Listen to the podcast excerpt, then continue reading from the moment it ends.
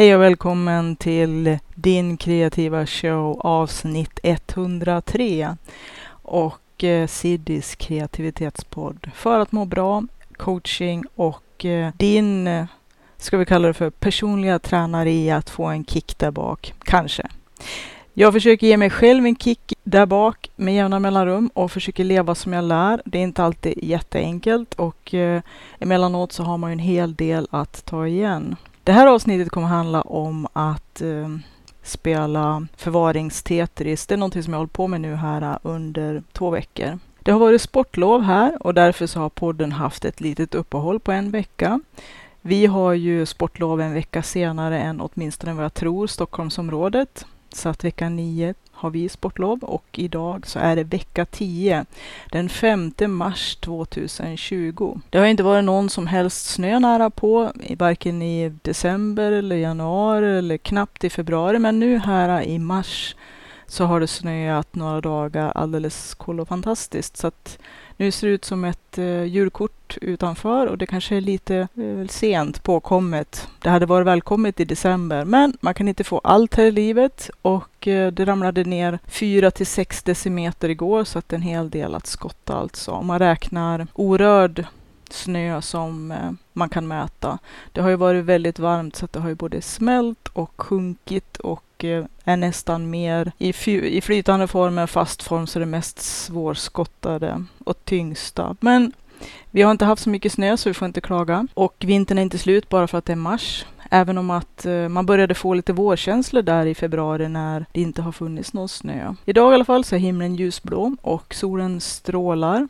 Och för en gångs skull så blåser det inte som 17 som det också har gjort hela den här uh, vintern. I alla fall de dagar när det har varit uh, lite varmare eller soligt så har det varit väldigt blåsigt. Mycket träd som har ramlat ner i skogen och uh, det gör ju lite, livet lite intressantare med väldigt mycket strömavbrott som det har varit för oss nu.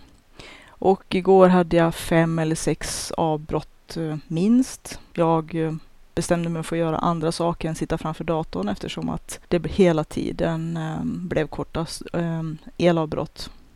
Men sånt är också livet, man får räkna med det och då får man kanske försöka ägna sig åt andra saker. Det har jag gjort under sportlovet.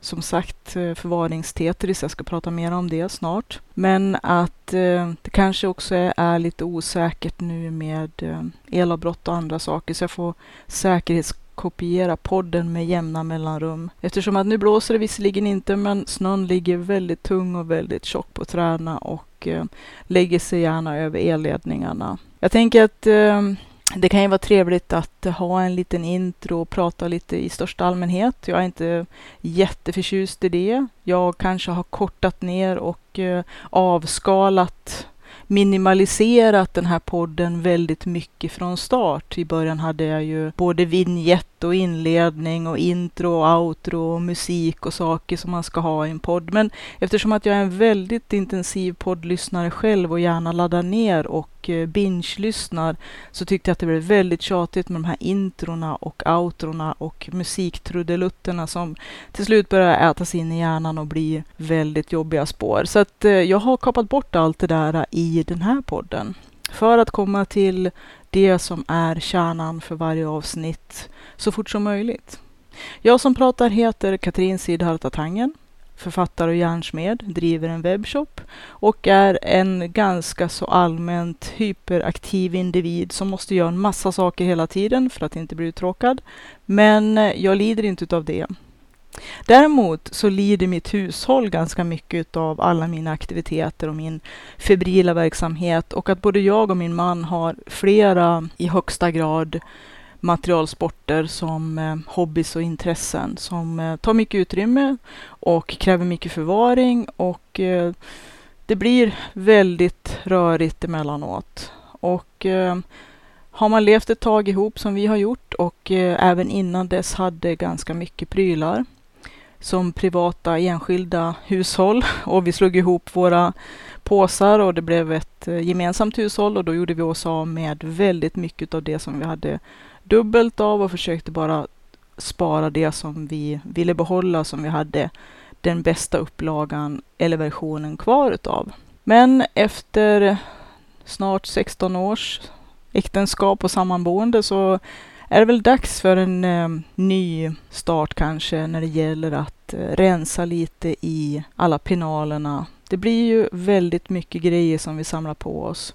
Och jag har ju pratat en hel del om det här med att skapa space när det gäller tid och mentalt och utrymmesmässigt. Så att eh, det här är väl en sak ytterligare i det här eh, temat som har pågått ett tag. Och jag tycker att det kan ju vara kul att berätta lite om statusen just nu och vad som har pågått eftersom att jag eh, har jobbat väldigt intensivt nu med, som jag har berättat i tidigare poddar, dels att logga min egen tid för att eh, sätta på kartan vad jag sysslar med på dagarna. När man är sin egen så kan det väldigt lätt bli att man jobbar väldigt mycket och att man jobbar hela tiden. Och hur mycket man än jobbar så tar det liksom aldrig slut. Och det kanske de allra flesta kan känna igen sig i även om de inte är egenföretagare eller driver sin egen verksamhet. Vardagen och jobbet och barna och eh, transporter och alla prylar och mathandling och allt vi ska hålla på med. Allt det där gör att det blir ganska stökigt i, både i skallen och runt omkring oss.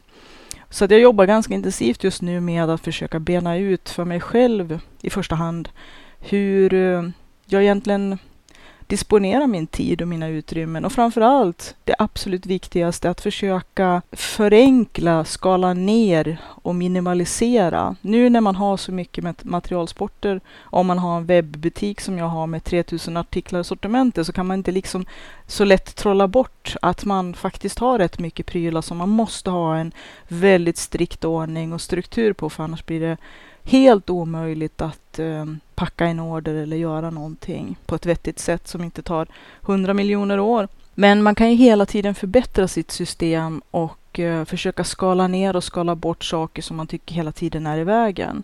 Men det är också väldigt svårt att hitta de här utrymmena dels tiden att satsa på lite progressiv framförhållning eller planering eller att göra så att man har bättre förutsättningar och förhållanden i framtiden eftersom att vi hela tiden oftast lever väldigt mycket hand i mun. Och att eh, jag pratade tidigare i ett avsnitt om det här med den här skedteorin, spoonis eller spoons, att vi har ett visst antal mentala skedar i våran lilla låda och att när skedarna är slut så är vi också ganska slut och eh, tar skedarna slut före våra måsten eller det vi måste göra under en dag, då kan vi komma lite grann i kris. Men att om man hela tiden håller på kanske med en massa saker i onödan. Och nu vet jag att det är många som kommer att uh, säga att de jobbar som små grillade illrar och allt de gör är sånt de måste göra. Och jag tror säkert att det är så, men jag tror också att vi kanske gör det onödigt svårt för oss själva eftersom att vi har en tendens att göra saker och ting mycket krångligare.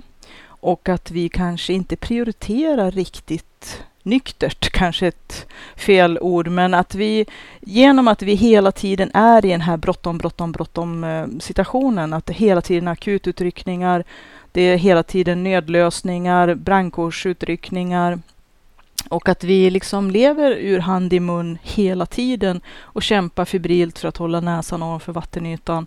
Att det är väldigt svårt att som sagt göra någonting progressivt för att skapa smarta system på sikt. För jag tror att det är väldigt bra att ha eh, fina vanor. Habits som de säger på engelska. Och det är väldigt bra att ha en eh, att göra-lista som visserligen växer hela tiden underifrån. Men att det är en del av livet. Vi kommer aldrig att få slut på att göra. Och det kanske är tur det. Det skulle vara tråkigt om vi helt plötsligt skulle ha en blank att göra-lista eh, då kanske det tyder på att vi behöver fylla vårt liv med någonting. Men vi ska inte fylla livet med en massa skit. Och det är där som jag tror att vi ofta fastnar, att vi håller på med en massa saker som vi inte borde hålla på med. Och det här är ju det här med prioriteringar som är väldigt lätt att säga, men det är väldigt svårt att kanske aktivt och medvetet jobba med det under brinnande krig, eller vad man nu ska kalla vardagen för någonting. Kanske låter lite dramatiskt, men att det kan vara svårt att eh, prioritera att se till att få koll på sina prioriteringar som nummer ett och sen se till att skapa utrymme för dem. Och då kan vi ju på sikt eh, se till att eh, få mera luft kring det vi gör, må bättre och framförallt att vi håller på med det vi ska göra, det som är bra för oss och det som vi faktiskt innerst inne vill och drömmer om. Att okej, okay, vardagen slukar väldigt mycket av våran bandbredd och våran kapacitet. Det är ju bara att konstatera och vi måste ha mat på bordet och tak över huvudet och kläder på kroppen och barnen måste transporteras till dagis och vi ska handla och laga mat och sådär. Men det kanske också kan vara smart att försöka hitta sätt att göra det här lite mindre struligt, lite mindre tilltufsat, lite mindre kaotiskt, lite mindre så mycket på en gång utav en massa saker hela tiden som gör att vi, vi ser liksom inte skogen för alla träd. Och det är väl det här som jag har känt mer och mer på slutet att nu vill jag göra ett rejält ryck och verkligen rensa i rabatterna. I alla rabatter.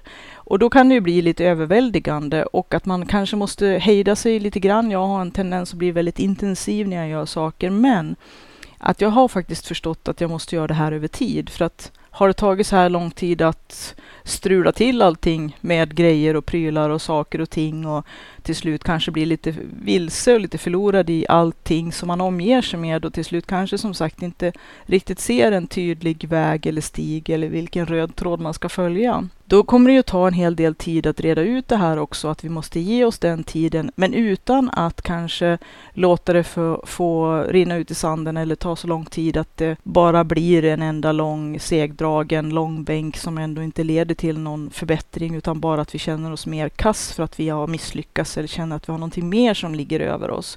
Då har man ju inte vunnit så mycket. Men jag har ju tänkt nu i alla fall att jag ska köra lite kampanjer och eh, jag tar en hörna i taget. Jag försöker inte kasta mig på hela lapptäcket utan jag tar en liten ruta i taget. Och en ruta var att eh, logga all min tid och det har jag gjort nu i sammanlagt, jag tror det är uppe på 79 veckor. Och det har jag gjort i ett enda streck i 79 veckor. Så att jag har hållit i det här ganska mycket därför att det har varit väldigt motiverande för mig att verkligen ta reda på vad jag sysslar med på dagarna. Och då menar jag inte bara alla de här äh, att göra-listorna eller alla ärenden och sådana saker, utan mera vilka aktiviteter och verksamheter i, i det som jag försöker åstadkomma inom mitt företag och inom de kreativa olika områdena som jag eh, drömmer om och vill göra saker som ska få bestående, eller i alla fall eh, substantiella resultat. Det låter väldigt högtravande, men att ska det bli en bok till exempel som man kan hålla i handen så måste man ju ha en plan för det. Och det är en ganska långsiktig plan. Det tar väldigt lång tid. Det är verkligen ett maraton eller ett katedralbygge som jag brukar säga. Och därför så måste man ju skapa utrymme för det och eh, för att inte bli sönderstressad utav alla de här eh, sakerna som hela tiden sliter i en. Och att vara i bråttom, bråttom, bråttom fällan och att vara upptagen, det är ju inte samma sak som att få någonting gjort. Även om att vi känner att vi jobbar hela tiden och sliter som djur och är svettiga och stressade och sådär, så kan det ju vara som så att vi är i bråttom, bråttom fällan, att vi är väldigt upptagna. Men vi får faktiskt inte exakt det som vi borde eller vill få gjort, får vi inte gjort. För vi är hela tiden upptagen med alla de här gräsbränderna, akututryckningarna och brandkårs och nödlösningarna och att hela tiden bara nästan springa från det ena till det andra. Jag har pratat en del om det här med att vi tror att vi är så multitasking-duktiga. Eh, men att det betyder egentligen att vi splittar upp oss på en väldig massa saker samtidigt och inte har fokus på något. Och min erfarenhet är att vi kanske känner att vi är väldigt effektiva, men om man krast kollar vilka resultat man får så är de inte så jätteeffektiva och det vi åstadkommer är oftast ganska splittrat och inte så fokuserat och kanske inte den där kvaliteten vi egentligen drömmer om att ha i vissa sammanhang. Det här med att skapa utrymme är ju någonting man måste skapa utrymme för och det är ganska mycket utrymme. Jag började med att logga min tid. Jag känner att jag börjar nu få en ganska så god bild av vad jag sysslar med på dagarna, vilka olika verksamhetsområden som jag har och vilka saker som jag kanske måste se till att eh, göra mera utav. Jag var ju inne på det här med att det är väldigt lätt att vi håller på med fel saker. vi gör en massa saker som visserligen är kanske viktiga eller vi känner att det ligger i linje med det vi liksom håller på med i vår verksamhet. Men att det kanske också är ett lite fördolt sätt att prokrastinera. Att vi kanske sysslar och uppehåller oss med eller ser till att vara upptagna med en massa små tjafsgrejer egentligen som inte kommer att förändra så mycket i det stora hela. Men de är tryggare att hålla på med för att det känns inte lika, känns inte lika, det är inte så stort igångsättningsmotstånd. Vi känner inte den här mentala muren utav att bli utmanade av att det kanske är svårt eller att vi kanske vill lite grann slingra oss undan saker som känns lite småjobbiga eller tunga eller invecklade eller som kommer, vi vet kommer att ställa krav på oss eller kanske att vi inte är så fokuserade, att vi är så splittrade att vi inte riktigt kan ta itu med de egentligen viktigaste sakerna. Och att vi istället håller på med en massa småtjafs och prokrastinerar och är upptagna och är i bråttom bråttom-fällan. Men utan att hinna reflektera över, är det här verkligen någonting jag ska hålla på med för det första? Är det här viktigt? Eller är det här tillräckligt viktigt för mig eller för dem som jag håller kär? Och ska jag verkligen låta så här mycket tid ätas upp utav just det här? Så därför har jag varit ganska så intensiv i mitt sätt att uh, logga tid. Man behöver inte vara lika fanatisk kanske som jag. Jag har ju pratat om det här med en tidkassabok. Att den kan man ju föra under en vecka för att se vad man har för vanor, för att kartlägga sin mönster. Det kan man göra under en månad för att kanske få en lite mer detaljerad bild av hur man använder sin tid. För ofta har vi ju saker som kanske inte återkommer varje vecka men som ändå är ett mönster varje månad eller kanske över ett kvartal. Och att få syn på hur vi egentligen ehm, fördelar vår tid, vilka aktiviteter vi prioriterar, att hitta våra prioriteringar men också kanske se där vi kan få tidsvinster genom att kanske strukturera bättre, samordna, klumpa ihop liknande uppgifter med varandra, köra kampanjer som jag är ganska förtjust i. När jag kan verkligen gå på djupet och fokusera på någonting jag har bestämt och ge mig själv tillåtelse till det istället för att splittra upp mig på att hela tiden hålla på med tusen och en saker och inte få någonting gjort. För jag känner ofta att man inte får någonting ur händerna fastän att man springer omkring som yogi björn och eh, inte kan riktigt besluta sig för vad man egentligen ska satsa sitt krut på och därför så håller man på och fluffar runt det överallt och kanske känner sig effektiv som sagt, men det blir inte mycket som kommer ur händerna om man ska vara krass och titta på tids, den längden av tid och den faktiska stress och energimängd man har, har förbrukat under tiden när man har rusat runt där som en grillad diller och ganska ostrukturerat gjort en massa saker. Men är det rätt saker? Det är den stora frågan. Och vilka saker kanske man skulle vilja se mera utav? Jag har ju använt mig av lite olika sätt för att få syn på vad jag egentligen gör på dagarna och eh, även kvällar och helger om man ska vara uppriktig. För det är väl så det är att vara sin egen. Att det är en livsstil många gånger och inte ett eh, 9 till 5 jobb. Och det kan ju också vara en risk som jag pratat om i tidigare poddar, det här med honungsfällan. Gå gärna tillbaka och lyssna på dem. Men att jag har försökt att hitta sätt att göra det tydligare för mig och jag har använt lite olika metoder som jag har varit medveten om är väldigt eh, invecklade så här i inledningen och det har jag låtit det vara för att se vilka verktyg som funkar för det första och för det andra att eh, jag ville ha en visuell eller analog metod att kunna få syn på vad jag egentligen håller på med. Så därför så har jag dels använt kalendern för att eh, logga jag har en stor familjekalender som jag använt och då har jag loggat vad vi har gjort i familjen och vad olika medlemmar har gjort och vad jag själv har gjort. Men bara de här riktigt kanske viktiga sakerna förutom då sånt som är styrt utav ja, saker man har bokade tider för som tandläkarbesök och besiktningar och sånt där sånt som man ska ha i en kalender helt enkelt. Men jag har också använt det som en daglig logg eller dagbok löpande som eh, har fyllts i vartefter som dagarna har gått för att kunna se. För det kan ju också vara ett sätt att få syn på att vi faktiskt gör ganska mycket som vi glömmer så fort det är klart och så kanske vi känner att vi får aldrig någonting gjort och det händer ingenting hemma och sådär. Men när jag har börjat skriva upp allting som vi gör så har jag ju sett att det är ju faktiskt inte fallet. Vi gör väldigt mycket. Och att det kan vara ganska tillfredsställande att titta tillbaka på och faktiskt ha en, ehm, en tid, ehm, en slags ehm, kronologisk tidsföljd att kunna följa ja, helt enkelt det behov som en dagbok fyller, att kunna, eller en logg, att kunna se vad som har hänt under de dagarna som har varit, för att kunna gå tillbaka och Eh, stöd för minnet också framförallt när man vill placera saker och ting efter en tidslinje i efterhand och sådär. När hände det här och här och hur lång tid tog det här och när satte vi igång egentligen med det här och sådär. Så därför så har jag använt eh, våran eh, stora kalender till att fylla i i väldigt, väldigt kort form, alltså inte några långa utläggningar, men punktat upp vad vi har hållit på med i stort. Men sen har jag ett annan, annat system som är mera privat eller för min egen verksamhet som absolut inte skulle rymmas i familjekalendern. Och det är ett system där jag har loggat alla saker som jag gör i mina olika verksamheter i webbutiken och i podden och eh, i mina andra kreativa sammanhang. Då har jag velat färgkoda olika verksamheter för att också få syn på mängden av saker som jag gör och eh, vilka saker som jag kanske gör för mycket eller för lite utav. Det här kan ju handla om till exempel se att man faktiskt gör tillräckligt mycket marknadsföringsaktiviteter.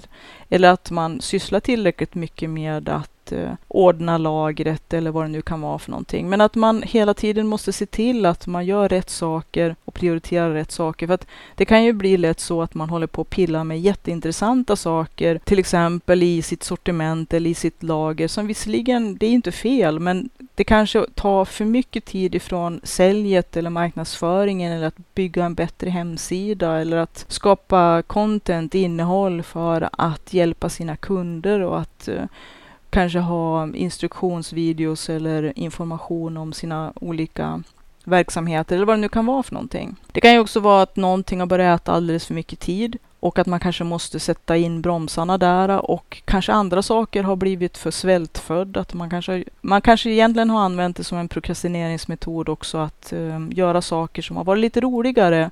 Kanske, eller lättare tror jag, att det är det här inre motståndet, att vi ofta följer minsta motståndets lag och att kan vi bara motivera det med att ja, men det här ska ju också göras eller det här är också viktigt eller det här borde jag göra. Eller att det här vill jag göra. Det är inte fel att vilja göra saker för att jag tycker att det också är viktigt i den här prioriteringen att faktiskt se till att skapa utrymme för det som man faktiskt vill göra. Att inte bara hålla på med en massa Kanske visserligen um, ja, bråttom, bråttom grejer och eh, det här vardagstjafset eh, som ofta slukar väldigt mycket tid och bandbredd. Och vi, vi, kan inte komma ifrån att vi måste handla, laga mat och diska och städa och tvätta. Men att vi kanske sysslar med vissa saker alldeles för mycket eller på fel sätt så att det tar onödigt mycket tid eller utrymme. Och en sak som jag tycker kan ta onödigt mycket utrymme, det är ju att vi har för mycket grejer som tar för mycket plats, som hela tiden måste skötas, förvaras, flyttas runt och så ska det städas och plockas och donas och så sen är sakerna i vägen och så hittar man ändå inte det man vet att man har någonstans som var bra att ha och så sen så tar allting så väldigt lång tid och man blir frustrerad och ibland tappar man sugen att göra någonting för man hittar inte grejerna helt enkelt. Eller att de ligger utspridda på en väldig massa ställen. Så att för att göra en aktivitet så tar det väldigt lång tid att eh, komma till skott eftersom att allting ska hittas och så ska det samlas ihop och så ska man ta det till en slags gemensam plats och jobba med det och så sen innan dess har man redan nästan tappat sugen om inte dagen redan har passerat. Och det är väl det här, man skulle väl kunna jämföra det med hur en hårddisk defragmenterar, att allting som vi förvarar på vår hårddisk har ju en tendens att spridas åt alla möjliga håll, så vi har svårt att hitta filer och sånt där. Och här är det ju en sak som är väldigt viktig och det är ju det att ha ett system som fungerar och ett system som man håller sig till. Och ett system som man håller sig till måste byggas upp på ett sådant sätt att det är väldigt enkelt och avskalat och rent och intuitivt inte krångla till systemet så himla mycket för då kommer vi inte att använda det och se till att uppdatera och använda systemet. Funkar det inte eller att vi inte använder det, då måste vi tänka om och hitta nya sätt att göra en sak på. Och att eh, det kan ofta betyda att vi måste skala av eller minimalisera saker och ting som vi kanske hade lite för stort anslag och gjorde lite för komplicerat från början. Då när vi var väldigt engagerade och hade tusen miljoner planer och att vi har en i alla fall jag har en tendens att göra saker och ting kanske onödigt tillkrånglat för att jag tycker att det är så himla kul att strukturera upp saker. Men att sen glömmer man bort hur det här systemet var tänkt att funka och så sen så faller det glömska och så sen så blir det ytterligare en grej som bara ligger och tar plats och blir i vägen helt enkelt. Och sen när man ska damma av det så sitter man och svär för man kommer inte riktigt ihåg hur man tänkte då när man la upp till exempel mappstrukturer. Nu har jag ju jobbat väldigt många år med eh, mappstrukturer eftersom att jag har en enorm mängd med content, med innehåll, eftersom att jag har fruktansvärt mycket fotografiskt material och väldigt mycket textmaterial och eh, som författare och att hålla reda på hela bokproduktioner så är det ju ingenting som man kan hålla på med om man inte har en, ett system eller en struktur det går med en bok och det går under en väldigt intensiv arbetsperiod när man bara håller på med en viss sak. Men att sen göra ett återbesök eller när man har mycket mera saker att hålla reda på parallellt, då kommer det gå åt skogen ordentligt.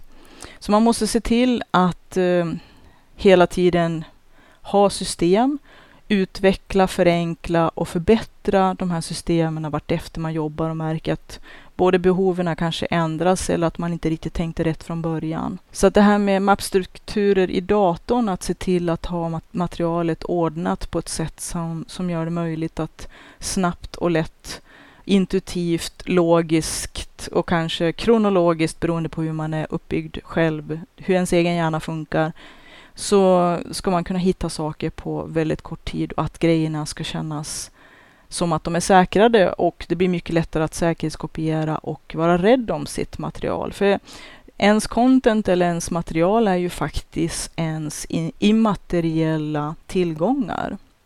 Om man inte har ordning på dem så kan man ju förlora ganska stora delar utav det som är ens tillgångar. Att ha en struktur, att eh, ordna så att det finns utrymme och att ha ett system. Det är bra med vanor, men vanorna, de ska ju kanske ordnas efter ett system så att de samverkar och gör saker och ting så enkelt som möjligt. Så att system är ju viktigare än att ha bra vanor. Men så fort man har ett fungerande system så automatiskt kommer ju det att inrätta bra vanor som underhåller och eh, sköter om det här systemet.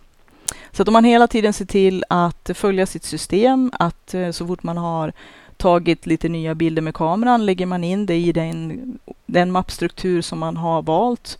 Och om det är kronologiskt som jag föredrar när det gäller sånt material, så kan man direkt veta, ja det var på vintern och så kollar man vintermapparna under det året som man kommer ihåg att det var.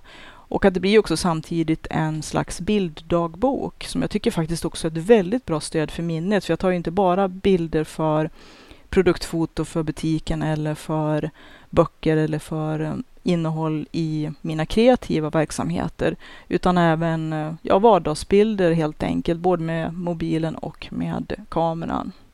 Och då är det så finurligt att det programmet som jag eh, laddar ner bilderna med automatiskt skapar mappar med datum som bilderna togs och de mapparna kan jag lätt sortera in under rätt år och rätt månad, för då skapar jag en månadsmapp under varje år.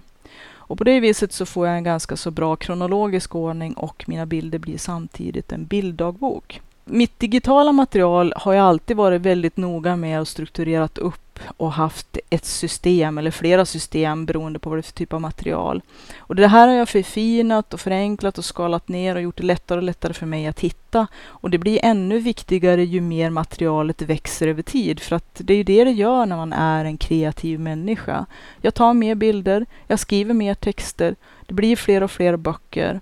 Det blir mer, mer och mer produkter i webbutiken. Så att eh, det blir hela tiden en eh, växande samling av olika kollektioner. Och de här måste jag hålla reda på. Och det tycker jag jag har förfinat över åren och har ganska bra koll på, lika med säkerhetskopieringar. Så att jag inte behöver hålla på och säkerhetskopiera sånt som jag redan har säkerhetskopierat och jag vet vilka saker som är kopierade och inte. Så att om min dator skulle gå sönder eller hårddisken går sönder eller brand eller stöld eller vattenskador eller vad som helst så har jag det säkrat på någon annan enhet i första hand.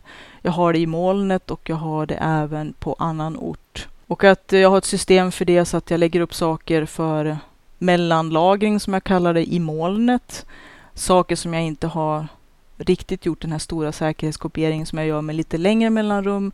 När jag ser till att allt material också uppdateras på hårddiskar som är även på annan ort. För det är ju så också, om man har ägnat ett antal år åt att skriva en bok så skulle det ju vara ganska jobbigt om boken försvann. För att även om boken finns i tryck så kan den ju behöva ett nytt omslag på sikt. Den kan ju behöva uppdateras och saker och ting. Så att jag vill ju inte förlora hela bokproduktionen och sen kanske måste skanna in en bok för att sen kunna uppdatera den. Det skulle ju ta nästan lika lång tid som att skriva boken. Det gäller att vara rädd om sitt material, vilket typ av material man än har. Men det kan ju också bli ganska stökigt i huvudet eftersom att vi har så himla mycket att hålla reda på. Det är det här som jag vill komma åt. Att även om det blir mera jobb ett tag nu för mig att försöka få en, en överblick helt enkelt vad sysslar jag med? Vad är det som tar tid? Hur mycket tid ägnar jag åt olika aktiviteter? Och vilka saker ska jag prioritera upp mera och vilka kanske ska jag tona ner? Och vissa, vissa saker kanske helt enkelt ska försvinna för att det är inte så produktivt. Det ger inte det som jag vill att det ska ge eller hoppas att det ska ge. Och att jag kanske håller på att prokrastinera med att göra saker som är lite lättare bara för att slippa ifrån de svårare eller tunga sakerna.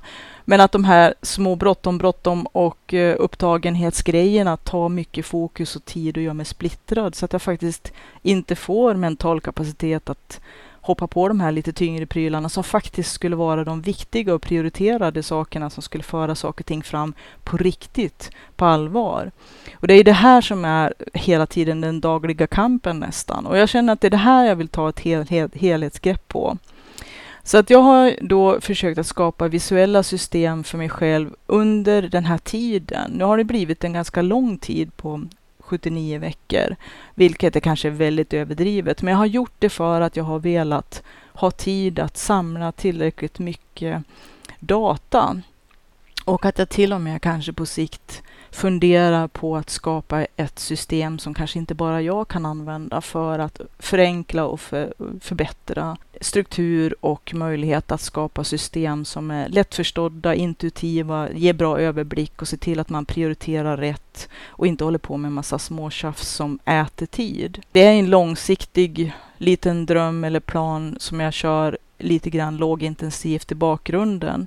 Men jag har verkligen velat kartlägga alla saker som jag sysslar med. Och det är ganska mycket kan jag säga. Det här med färgerna gör att jag kan lite mera ge saker, eh, vad ska man kalla det, bredare strömmar, några parallella röda trådar. Och för att göra det enkelt så kommer jag att klassificera dem eller ge dem kategorier som kanske är lite lättare att förstå i ett mer generellt perspektiv för de allra flesta människor som, som ja, lever, har ett vuxet liv och arbetar eller har en egen verksamhet. Och det kan ju vara då stråk som till exempel lagerarbete, adminuppgifter och eh, liknande. Det har jag ju gett en färg och sånt som är inom säljområdet. Det kan ju vara orderhantering, expeditionsuppgifter kanske och eh, betalningar, kundkontakter, packning av order, att se till att pengar kommer in och ut och ha koll på dem och sådär. Helt enkelt. Jag har gett det en grön färg för att det känns ju som ganska naturligt. Pengar har man väl alltid förknippat på något vis med grönt på något sätt. Det kanske är våran, eh, in, vårat inflytande från USA eller från tecknade amerikanska serier där pengarna alltid är gröna. Men att eh, grönt i alla fall har fått vara själva ekonomidelen i verksamheten.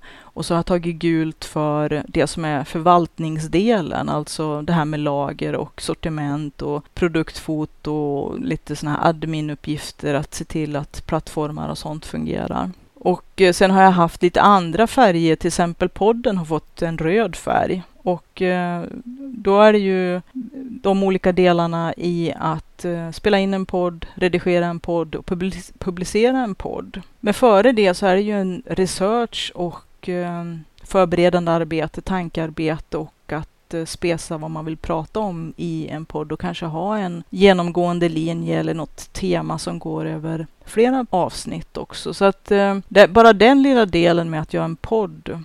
Sen har man ju då, liksom om man ska säga, arbete bakom kulisserna. Att ja, poddarna måste ju också lagras någonstans på hårddisken och också säkerhetskopieras och så kanske de ska laddas upp på flera plattformar eller göras till videos. Jag har ju också poddarna i videoformat så man kan sitta och titta på min smyckesdesign bland annat och lyssna på podden samtidigt. Det kan ju finnas lite olika sådana varianter också, säkerhetskopiering som sagt och, och eh, att säkra materialet för framtiden. Bara den lilla grenen i min verksamhet har ju en massa delgrenar, men att genom att se att allt som har med podden att göra får en färg, så kan jag ju se relativt, om man nu tar det enkla exempel här, att se hur mycket förvaltning utav butiken gult och hur mycket sälj grönt och hur mycket rött som kanske då är podden för den typen av content. Sen har jag lite andra färger för andra typer av verksamheter också och även för privata saker. Det har blivit lite lättare för mig att se också då, speciellt också eftersom att jag föredrar att jobba lite i kampanjer för att kunna fokusera och göra saker lite på bredden och uh, få nörda och grotta in mig i någonting och ha tid att göra det. Det är klart att jag kan inte stänga av alla andra saker samtidigt, men att uh, genom att prioritera ner saker som visserligen också är viktigt, men under en väldigt intensiv period, längre eller kortare, så siktar jag in mig på att göra någonting i kampanj. Det kan ju också vara ett sätt att uh, ha någon mellanform mellan att arbeta bara i det vanliga vardagliga att göra listan, töcknet, eh, att bara beta av allting vartefter och eh, att jobba i projektform. Så att kampanjer är väl någonstans mittemellan där för mig i alla fall. Sen kan man ju naturligtvis jobba mera i projekt då när man har väldigt, väldigt stora uppgifter som man vill eh, lösa och gör det efter en plan och där kan det ju bli lite mera styrning också. Mera än bara att avsätta en en viss tid, någon eller några dagar eller som jag har gjort nu här med, med att eh, rensa och röja som jag gör för att få struktur på alla prylarna. Att göra det under en viss avsatt tid. Så det har jag hållit på med nu i 14 dagar ganska intensivt då med sportlovet i centrum här. Och det är väldigt givande även om att man blir också lite utbränd på att göra saker väldigt intensivt och eh, det är därför som jag också tycker att det här med att jobba i, i sprints, som de säger på engelska, att sprinta en arbetsuppgift som visserligen kanske är mycket större än vad en sprint är. Att en sprint kan ju vara att man säger att uh, i en intensiv period utav Ja, det kan vara allt ifrån en timme till en halv dag, till en dag, till tre dagar, till, till som nu då för mig då elva dagar. Gör man en sprint och verkligen intensivt jobbar hemskt mycket med en sak, lite grann i nästan maniskt sådär. Äh. Man kan ju jämföra en sprint med äh, ett maratonlopp där man kanske gör saker och ting äh, över tid mer lågintensivt, men man sysslar med det som sagt i ett ett, eh, i ett mycket längre lopp, men som, som är mera då low key och en sprint blir mycket mer intensiv och att man nästan blir lite, lite manisk, lite mm, så. Och om man då har tid att göra det så känner man ju också att väldigt mycket blir gjort. Men det gäller att inte bli utbränd, att sluta precis innan man blir utbränd för att eh, sprinten är ju menat att man ska känna att man verkligen har gjort ett leap, att man har gjort ett stort steg, att man har kommit en bra bit i någonting. Men inte att man, det kan vara en fälla att eh, ha som mål att bli klar när det gäller väldigt, väldigt omfattande saker. Jag menar som att eh, för mig nu då strukturera om ett helt hushåll eh, det låter lite kanske Eh, som att man ska bygga om hela huset, men det menar jag inte, utan att se till att eh, rätt saker hamnar på rätt plats, på sin plats och att man också ser till att samla eh, saker som hör ihop. Att allting som har till exempel, nu har jag samlat allt julpynt i en stor låda och att det som inte fick plats i lådan, det fick prioriteras bort, ges bort, säljas, slängas, vad som helst. Och att eh, bredvid den lådan så finns allt packmaterial, allt presentpapper, även sånt som är för födelsedagar och sådär. Och att genom att ha allting samlat där tillsammans med eh, snören och eh, tejp och etiketter och sax och och vy, vykort tänkte jag säga, vad heter grattiskort och, och julkort och ja, hela allt det här presentdelarna i en pack och eh, så har man då bredvid julsakerna samlat allting. Så att det, man behöver inte springa runt hela huset för att leta reda på var har vi julpappret någonstans? Vad är tejprullen? Vad är snöret? Vad är våra etiketter? Vad är våra julkort någonstans? Och allting ligger i olika lådor och överallt utspritt. Och så vet man inte, man har inte koll. Hur mycket julpapper har vi egentligen? För att eh, nu när jag har samlat allt material på samma ställe så ser man att oj då, vi har ju köpt julkort i omgångar och varje gång har det ju blivit kvar lite julkort och det hamnar lite här och där. Och nu när man samlar allting på samma ställe så kan man ju faktiskt också effektivare använda det som man faktiskt redan har hemma. En sak som jag mer och mer blivit förtjust i är en term på engelska som man kallar shop at home, det vill säga handla hemma. Att vi är väldigt snabba med att eh, beställa och köpa grejer för att vi ska göra någonting istället för att kolla, men vad har jag redan hemma egentligen? Det är ungefär som för mig nu att jag eh, har också planer på att börja med eh, att eh, skriva anteckningar med bulletmetoden. Jag kommer att prata mer om det längre fram här, men att då blev jag lite så här, oj, oj, oj, nu måste jag ha en anteckningsbok och så måste jag ha massa fina pennor med färger och sånt där som alla som håller på med det här har och så där. Att det är lätt att det fort går överstyr och blir väldigt stort, men att sen lugnade jag mig lite grann och tänkte, jag har väldigt mycket kontorsmaterial. Jag har väldigt mycket pennor. Alla hushåll har ju fruktansvärt med pennor, i alla fall som jag tror att de flesta har det. Så då tänkte jag, nej, i samband med den här utrensningen och att försöka gruppera allt som hör ihop med varandra på samma ställe och ha en plats för allting så gick jag igenom alla mina skrivbordslådor, allt mitt kontorsmaterial och se, jag hade faktiskt exakt allting redan hemma.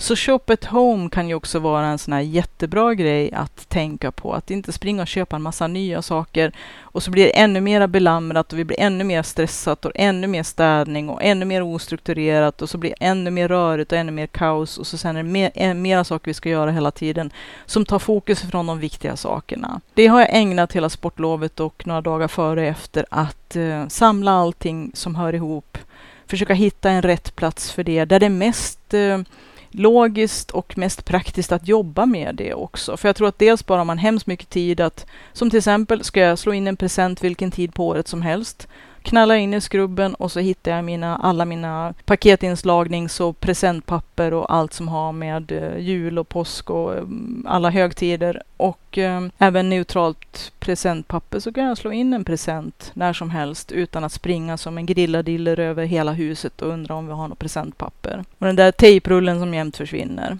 Att se till att ha stationer, att jag börjar mer och mer sikta in mig på att ha stationer.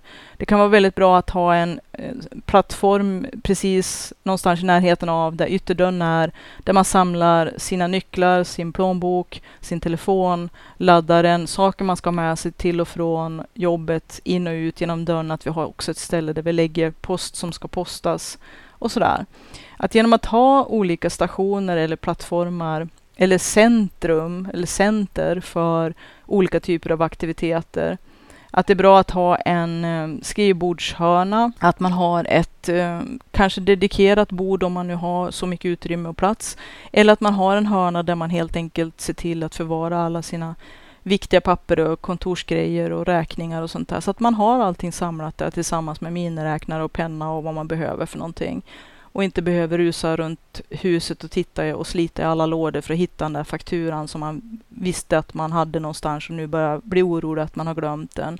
Att ha en speciell låda för alla viktiga papper och, och någon tidskriftssamlare och någon perm och, och sådana saker. Och det är ju helt enkla och självklara saker som man kan göra med allt som man redan har hemma. Men att dedikera speciella utrymmen för olika typer av aktiviteter och där man då samlar allting som har med det att göra så att man inte behöver ägna halva sin eh, ungdom och eh, har redan hunnit tröttna och tappa sugen tio gånger innan man kommer igång. Eller springa ut och köpa saker som man vet att man har någonstans. Eller kanske man inte vet att man har det, men att om man skulle ha inventerat allt det man har och samlat det och eh, samtidigt också som jag har gjort slängt allting som inte funkar längre. Det ligger ju och tar plats överallt så att jag gick faktiskt igenom varenda penna för att kolla att vilka funkar vilka ska spara, vilka ska samlas här och vilka ska samlas där.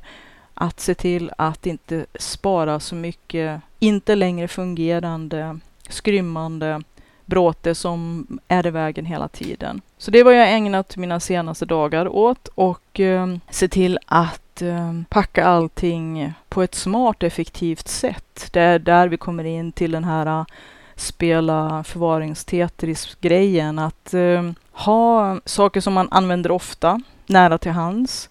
Sånt som man inte behöver ha ofta och som kan förvaras eller som är kanske säsong eller som är sällan-grejer. Förvara dem på lite mera oåtkomliga ställen men fortfarande samla allting som hör ihop och eh, ha dedikerade lådor. Jag tog lådor som vi mestadels redan hade efter sonens alla leksaker och legogrejer. Och eftersom att de saker som man förvarar, som i skrubben och sådana saker, där man kanske inte behöver ha jättesnyggt, eh, i alla fall inte vad det gäller skitsnygga förvaringslådor, att eh, det man har duger. Det man kan behöva skaffa, eller om man redan har, det är ju etiketter att kunna märka lådorna med innehållet. För det tråkigaste som finns det är också att man ska behöva rota igenom en, en hel hylla, en hel låda eller vad det är för någonting och samtidigt skapa en väldig oreda och så sen så finns inte grejerna där eller så finns de i botten. Men att se till att eh, märka upp lådorna med innehåll och vilken typ av saker som ska samlas i just den lådan. Det blir ju ett lätt exempel det här med julsakerna eftersom att den lådan heter julsaker. Och de allra flesta har ju en låda kanske eller flera med julsaker. Men att eh, om man i en överförd bemärkelse gör det på alla andra typer av saker man förvarar och skapar sådana här centrum då. Där kan man ju också köra lite färgkoder eh, om man eh, sätter sig ner och skapar ett system som helst också ska vara väldigt enkelt så att det inte blir någonting man glömmer bort mellan gångerna. Så att man också kanske bara med en blick kan titta in och se att ja, alla lådor som är märkta med eh, rosa överstrykningspenna, de etiketterna betyder att det är,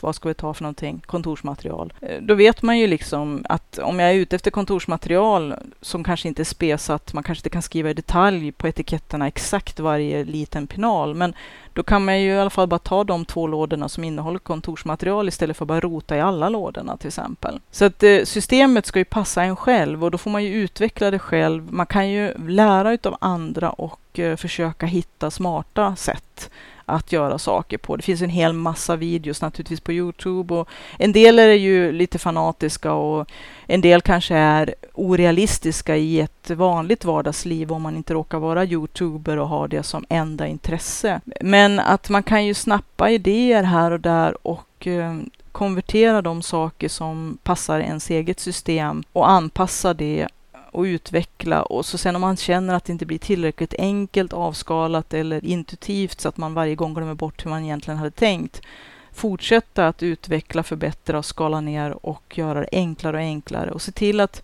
systemen ska vara så enkla att uh, upprätthålla, att det blir en naturlig del utav ens vanor. Samma sak gäller ju för till exempel sopsortering och uh, hur man hanterar tvätten och vart man har sina kontorsgrejer eller en massa sådana saker. Och för mig som har en webbutik med 3000 artiklar i sortimentet så kan man ju förstå att det här är någonting som jag har jobbat ganska mycket med vad det gäller webbutiken. Nu vill jag översätta det här tänket som jag har i butiken till hela hushållet. Också för att göra det enklare för de som bor här och att vi alla har ett gemensamt system. Där när man är flera som bor ihop så måste naturligtvis systemen passa också för flera.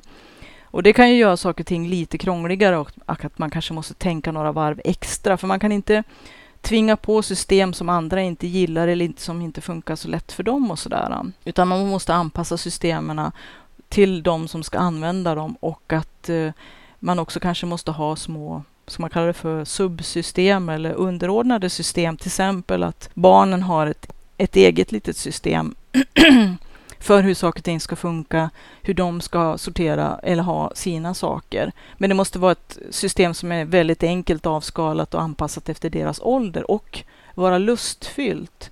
För jag tror att det måste vara, finnas liksom en glädje i att göra saker på ett visst sätt så att man känner att man får belöningar hela tiden. Som vuxen kan man ju känna sig belönad av att man vet vad saker finns. Man blir inte så frustrerad, man blir inte så stressad. Saker funkar lättare och bättre. Grejer som annars tog jättelång tid kan nu gå fort och man kan ägna tiden åt roligare saker eller viktigare saker. man kan prioritera bättre, man har bättre överblick, man slipper den här mentala stressen och det här stöket och kaoset i huvudet. Men när det gäller barn eller andra medlemmar i familjen som kanske inte riktigt njuter av samma upplevelse av ordning och struktur och att de kan jobba effektivare och förstå det så kan det ju vara att det måste vara förknippat med lustfyllda saker för att man ska hela tiden få en belöning för att man uppmuntrar och förstärker beteenden som är åtråvärda eller viktiga eller önskade. Men att det måste ske på deras nivå och eh, på ett sätt som gör det också igen då så enkelt, avskalat och intuitivt och att det inte ska bygga en massa frustration och konflikter så att man kan göra det på ett sådant sätt att det blir lustfyllt och göra rätt ska vara lätt. Det är det som är det fina också som jag tror som vuxen att göra rätt ska vara lätt. Och är det lätt att göra rätt, då kommer det att bli gjort också. Men att eh, för att ha en start så måste man ju ha en eh, en bra grund att börja jobba ifrån. Och det är där jag är just nu, att försöka grundlägga allt det här, äh, ett system. Det blir väl i och för sig flera system parallellt för att det finns så många olika saker. Men att nu är jag inne på att logga min tid och att få ordning på prylhelvetet helt enkelt. Och att eh, det är väldigt tillfredsställande, men att det gäller att eh, också se till att det fortfarande också för oss som är vuxna som visserligen kanske kan jobba lite mer ihärdigt och ha mera uthållighet, men ändå att det ska vara lustfyllt och kännas belönande och positivt. Och det är det som jag var inne på tidigare här, att ta lagoma tuggor. Stanna inte upp och låt det liksom rinna ut i sanden, men bli inte utbränd. Så att för mig ibland, vissa dagar när jag känner när jag har jobbat väldigt intensivt med det här under nu nästan 14 dagar, så kan jag ju känna att oj, jag orkar inte med ytterligare en låda jag ska gå igenom. Eller rättare sagt, jag orkar inte med den här jättestora garderoben eller den här jättestora skrubben, den här jättestora samlingen utav en massa saker jag måste gå igenom. Utan då, då försöker jag skala ner det till att jag behöver bara göra den här lilla lådan eller den här lilla skrivbordslådan. Då är jag nöjd oftast när man har kommit in i det så då brukar man ju förlora sig i och eh, det blir mycket mer gjort. Men att man måste ta ner tröskeln för att vilja göra saker också. Att mentalt ta ner hindren och inte ha för stora ambitioner som dödar lusten att göra det. Och därför så, vissa dagar när man kanske har känt, som man blir också när man jobbar i kampanjer och i sprints, att man kan bli lite utbränd när man liksom kanske har hållit på ett tag och det börjar bli lite för intensivt. Att kanske växla av och göra någonting annat. Eller kanske ta någon mellandag när man gör någonting väldigt lite och är nöjd med det. Eller helt enkelt någonting annat för att få rensa skallen och få lite miljöombyte och lite frisk luft och kanske göra någonting annat ett tag kan vara väldigt bra. Men framför allt att eh, ta mindre bitar i taget som är lätta att överblicka, som ger den här omedelbara tillfredsställelsen av att få någonting klart och känna sig nöjd. Som jag pratade om i tidigare avsnitt, det här med att se till att bygga in tidiga vinster. Att känna att om jag bara går igenom den här skrivbordslådan med pennor, då är jag jättenöjd. Då har jag gjort precis det som jag hade tänkt mig idag. Och råkar det då bli att jag blir lite inspirerad och gör en låda till, då är det ren vinst och en bonus. Så då blir det liksom som dubbelvinst. Att då har man byggt in ett belöningssystem där man kan känna sig nöjd utan att tycka att ja, och så hade jag hela resten av huset som inte blev gjort. Nej, men så får man inte tänka för att det här är projekt som man kanske måste jobba med både intensivt i sprints och i kampanjer, men också lågintensivt som ett längre maraton. Och som sagt, det har tagit väldigt många år att samla ihop allt det här och då får man faktiskt också inse att det kommer ta lite tid att reda ut det hela. Jag blev väldigt, väldigt lättad när jag kunde avyttra sju år utav bokföringen som inte längre faktiskt jag behöver ha kvar eftersom att man behöver bara ha nu för tiden. Förut var det ju tio år plus innevarande år, men nu har de ändrat reglerna så att det är sju år plus innevarande. Men eftersom att jag har varit sjuk och eh, saker och ting har kommit efter under tiden som jag tillfrisknade så att jag har förlorat kan man väl säga sammanlagt med både sjukdom och med rehabilitering så är det väl i grova slängar fyra år som jag har kommit efter. Så att, att rensa ut sju år utav, utav arkiverad bokföring, det var ju en oerhörd lättnad. Och eh, när man kan göra sådana där insatser så känner man liksom att wow, nu händer det grejer och vilket utrymme jag får över för att kunna försöka att eh, få andra saker att hamna på rätta ställena. Jag är inte klar med arkivet, jag är inte klar med bokföringspapperna som jag kanske har missat, som också kan avyttras och eh, permar som måste gås igenom och allt det där. Men det gör ingenting för jag har fått iväg en stor sjunk eller stor, stor eh, sten som, som lättar från mitt hjärta. Och samma sak också när jag kunde rensa ut hela den här skogen utav ohyggligt mycket samlade djursaker. Att mitt, eh, mitt mål eller mitt, min gräns var den här lådan får alla djursakerna rymmas i. Det som inte ryms, det får inte vara kvar. Och då får jag prioritera. Sen hittade jag ett väldigt fin finurligt sätt att uh, hänga upp ljusstakarna i skrubben i ett hörn så att de inte blir så svårförvarade för att de är jättesvåra att förvara i lådor. Och uh, samma sak en krok för julstjärnorna så att de hänger också i samma hörna där som jag vi har skrivit ut på 3D-skrivaren speciella hållare så att eh, de här julljusstakarna, tre stycken, hänger då i det ena benet. Eh, väldigt fint faktiskt och samlat i det där hörnet tillsammans med julstjärnorna. Och de är helt ur vägen eftersom att det är ett hörn som inte har hyllor eller lådor eller förvaring av annat slag. Och ingenting som heller kommer att vara vägen när man ska in och ut ur skrubben eller de andra sakerna som är förvarade där. Så att jag tyckte att det var så himla snillrikt att äntligen de här julljusstakarna som är i princip omöjliga att förvara på ett effektivt sätt och samtidigt inte förstöra lamporna och sådana saker.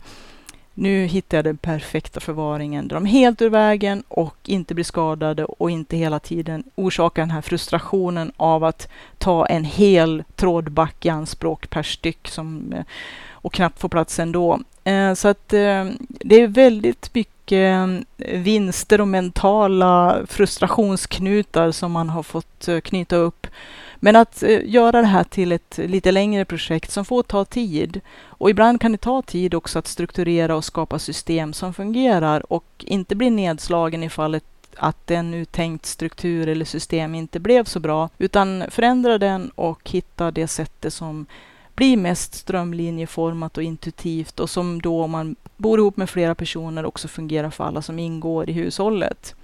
Vissa av systemen ska ju mest av allt bara vara ur vägen för att skapa bättre effektivitet i den vardagliga, dagliga verksamheten så att säga.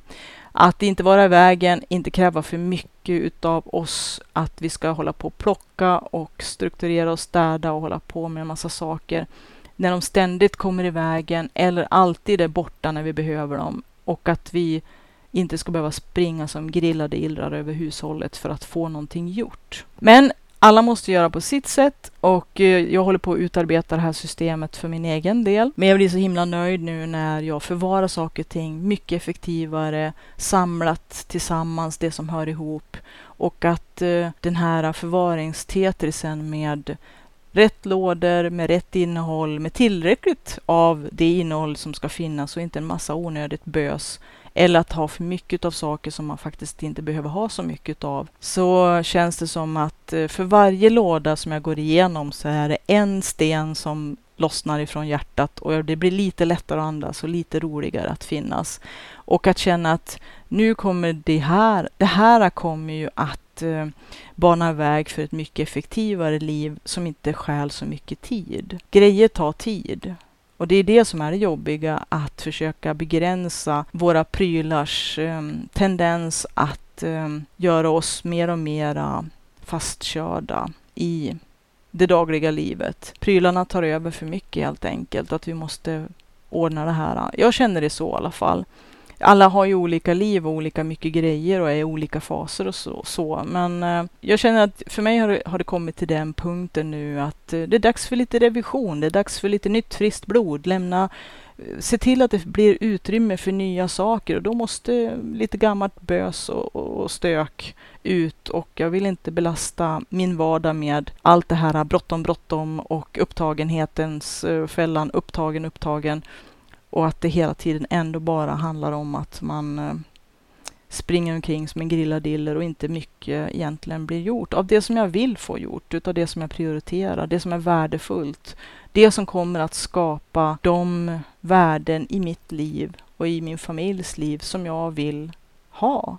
Och också en slags plan för framtiden.